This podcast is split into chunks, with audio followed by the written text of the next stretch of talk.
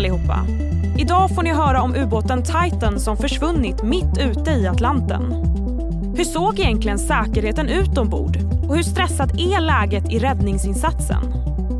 Vi vänder oss till Expressens reporter Thea Mossige Norheim. Ni får också höra om varför forskare backat från rådet att ammande kvinnor inte ska dricka. Och som vanligt de allra senaste rubrikerna. Du lyssnar på Läget, Expressens dagliga nyhetspodd med mig, Sally Sjöberg.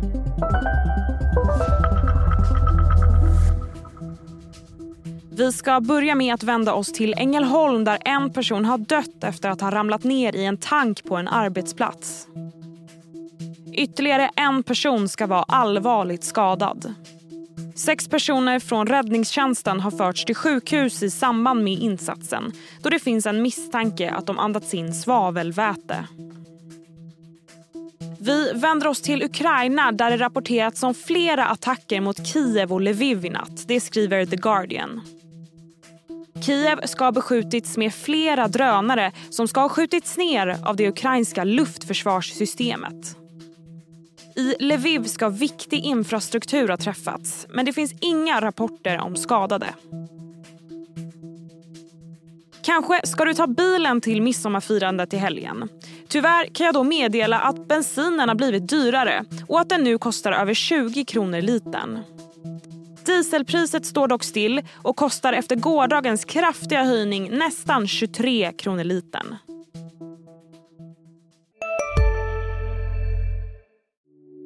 Hej, Ulf Kristersson här. På många sätt är det en mörk tid vi lever i. Men nu tar vi ett stort steg för att göra Sverige till en tryggare och säkrare plats. Sverige är nu medlem i Nato. En för alla, alla för en. Vi är specialister på det vi gör, precis som du. Därför försäkrar vi på Swedea bara småföretag, som ditt. För oss är små företag alltid större än stora och vår företagsförsäkring anpassar sig helt efter firmans förutsättningar. Gå in på swedea.se företag och jämför själv. Nu till det dramatiska läget utanför Kanadas östkust.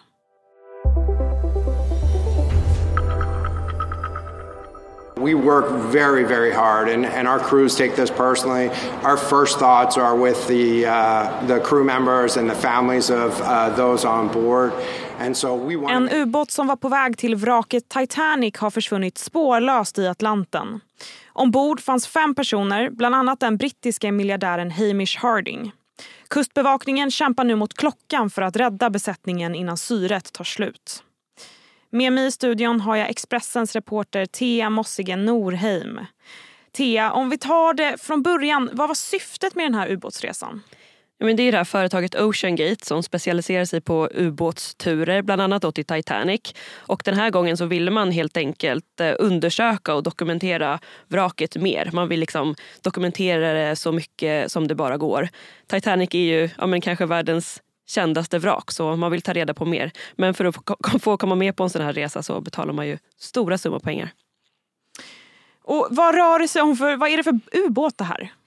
Ja, men den är ju gjord av Oceangate eh, själva. Den är gjord av kolfiber och titan, sex meter lång så den är väldigt liten. Lite hisnande tanke att tänka sig den där lilla farkosten liksom någonstans där ute i Atlanten. Den kan gå ner till 4000 meters djup, alltså så djupt som Titanic-vraket ligger. Um, men den, den är ju liksom en privat farkost, det är inte liksom gjort för någon myndighet eller så forskningsinstitut eller så. Men den har ju gjort resor förr som har gått bra, eh, bland annat med, med CBS News. The Titan is the only five person sub in the world that can reach Titanic depths, 2.4 miles below the sea.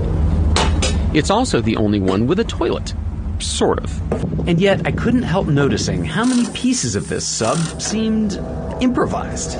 We can use these off the shelf components. I got these from uh, Camper World. We run the whole thing with this game controller. Come on! Dock då så bröt, eh, bröts kommunikationen då. Eh, allt gick bra den gången men, eh, men den här CBS-reporten som var med under den här resan, han har varit ute nu och berättat att han ändå tyckte att det var lite av en obehaglig färd.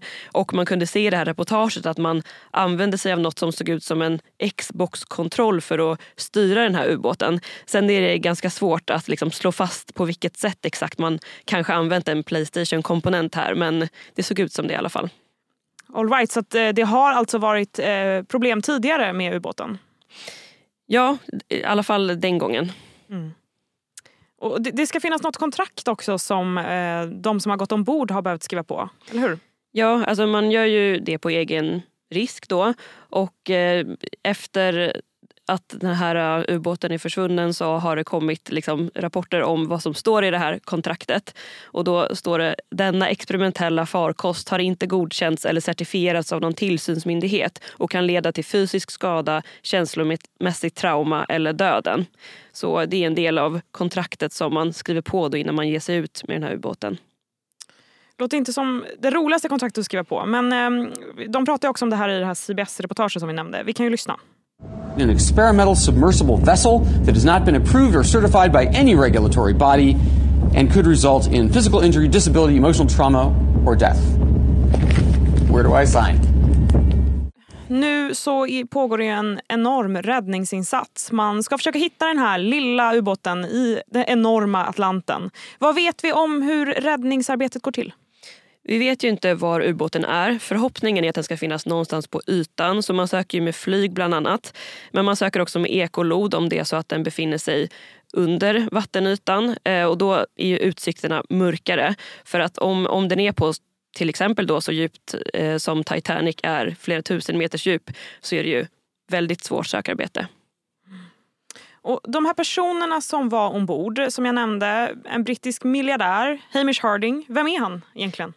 Ja, nej men, eh, han är ju en brittisk eh, affärsman, miljardär som är lite av en äventyrare. Han har varit i rymden innan. Han har varit på Sydpolen flera gånger vad jag förstår. Bland annat med Buzz Aldrin. Um, och på Instagram så beskriver han sig själv som en world explorer och att han köper och säljer affärsflygplan. Han är pilot också. Vilka är de andra?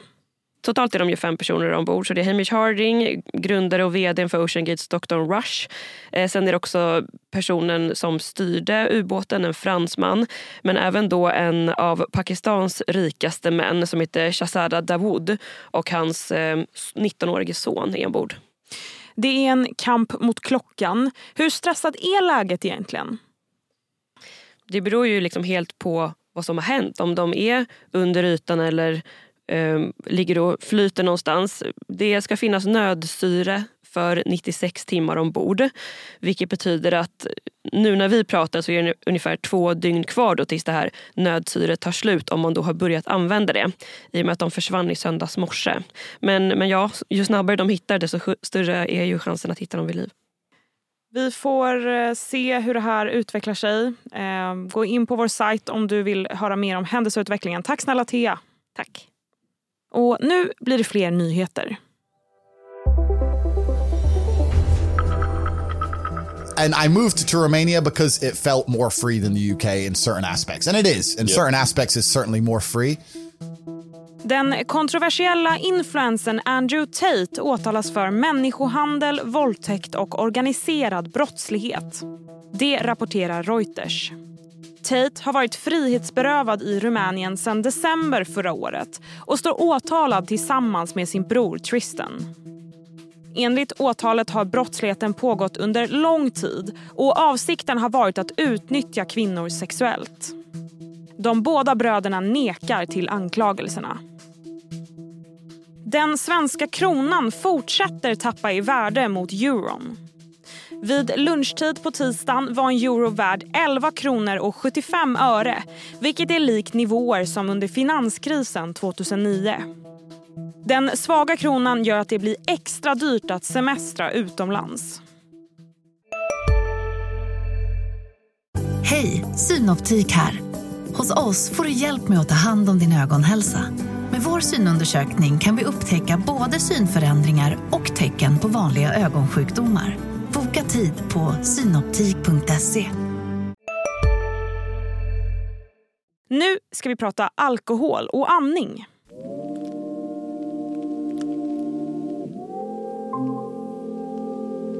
Hej Amina! Hej. Kvinnor som ammar ska inte dricka någon alkohol alls. Ja, så lät det för bara några veckor sedan i de nya nordiska näringsrekommendationerna.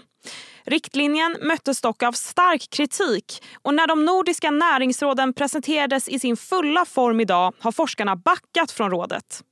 Jag har nu ringt upp Expressens medicinreporter Amina Mansour. Amina, det har varit många turer kring det här. Vad är det egentligen som gäller nu? Nu är det samma råd för eh, ammande kvinnor som övriga befolkningen. Alltså att man ska undvika egentligen alkohol eller om man dricker så ska konsumtionen vara så låg som möjligt.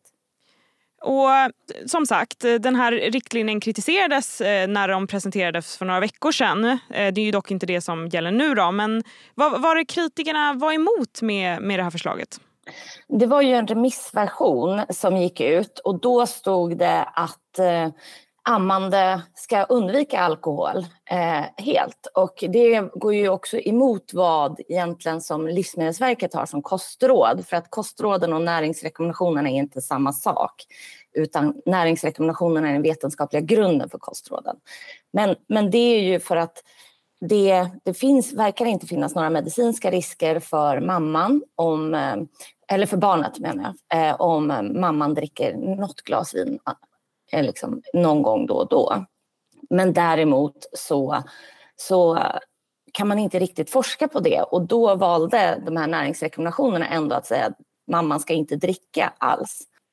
Så forskarnas syfte med det här från första början, ska jag förstå det som att de bara sa det som en försiktighetsåtgärd eftersom att man inte kan forska på det? Ja, precis. Och det var då som, eh, däremot så, så sa de i en bakgrundskapitel att det verkar inte finnas några medicinska risker för barnet. Och då blev det ju en väldigt ja, en försiktighetsåtgärd kanske. Och det kändes både moraliserande och det fick ju kritik också just för att det var det. För att om det inte är baserat på medicinska risker för barnet, ja då borde det också vara den andra föräldern, den andra parten borde ju också undvika alkohol då. Om det handlar om att hantera barnet. Och vad tror du, är debatten kring det här, är det det som har gjort att de har backat? Eller vad vet vi om det? Alltså jag tror ju att de, det, här är ju, det är därför man skickar ut saker på remiss, för att man får höra vad tycker folk, vad blir det? Och då har väl de faktiskt lyssnat på den här kritiken och kanske just insett att här var det en lite väl hård formulering att dricka så lite som möjligt för en ammande. Och Livsmedelsverkets kostråd då som är att något glas vin i veckan går bra, men inte mer än så. Och det, det kanske liksom man kan ta till sig lite mer än att om någon säger drick inte alls. Så att, ja, men de verkar lyssna på kritiken i alla fall. Jag förstår. Men i övrigt då, hur ska man äta och dricka?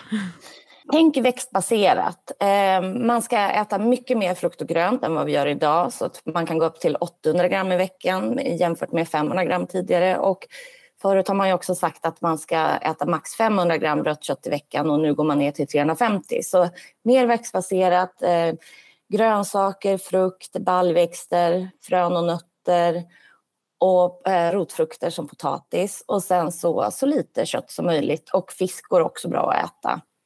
Eh, så att det är första gången nu man går igenom kunskapen för både hälsa och miljö. Så att det här är ju inte bara hälsan. Och hur menar du då med, med, med miljön? Hur kommer den in? Eh, vad är bra för klimatet? Vilken mat är bra för klimatet? Och då är ju kött inte bra eh, heller. Så att om man vill äta bättre för klimatet då ska man dra ner ännu mer för köttet. Men för hälsan så är det ungefär 350 gram max i veckan. Fyra hamburgare läste jag någonstans här. Då tar jag med mig det. Tack snälla Amina. Tack så mycket. Det får sätta punkt för den här nyhetsdagen. Glöm inte att följa oss i din podcast-app och ladda även ner Expressens nyhetsapp så att du inte missar något viktigt. Vi hörs redan imorgon igen. Stort tack för att ni har lyssnat.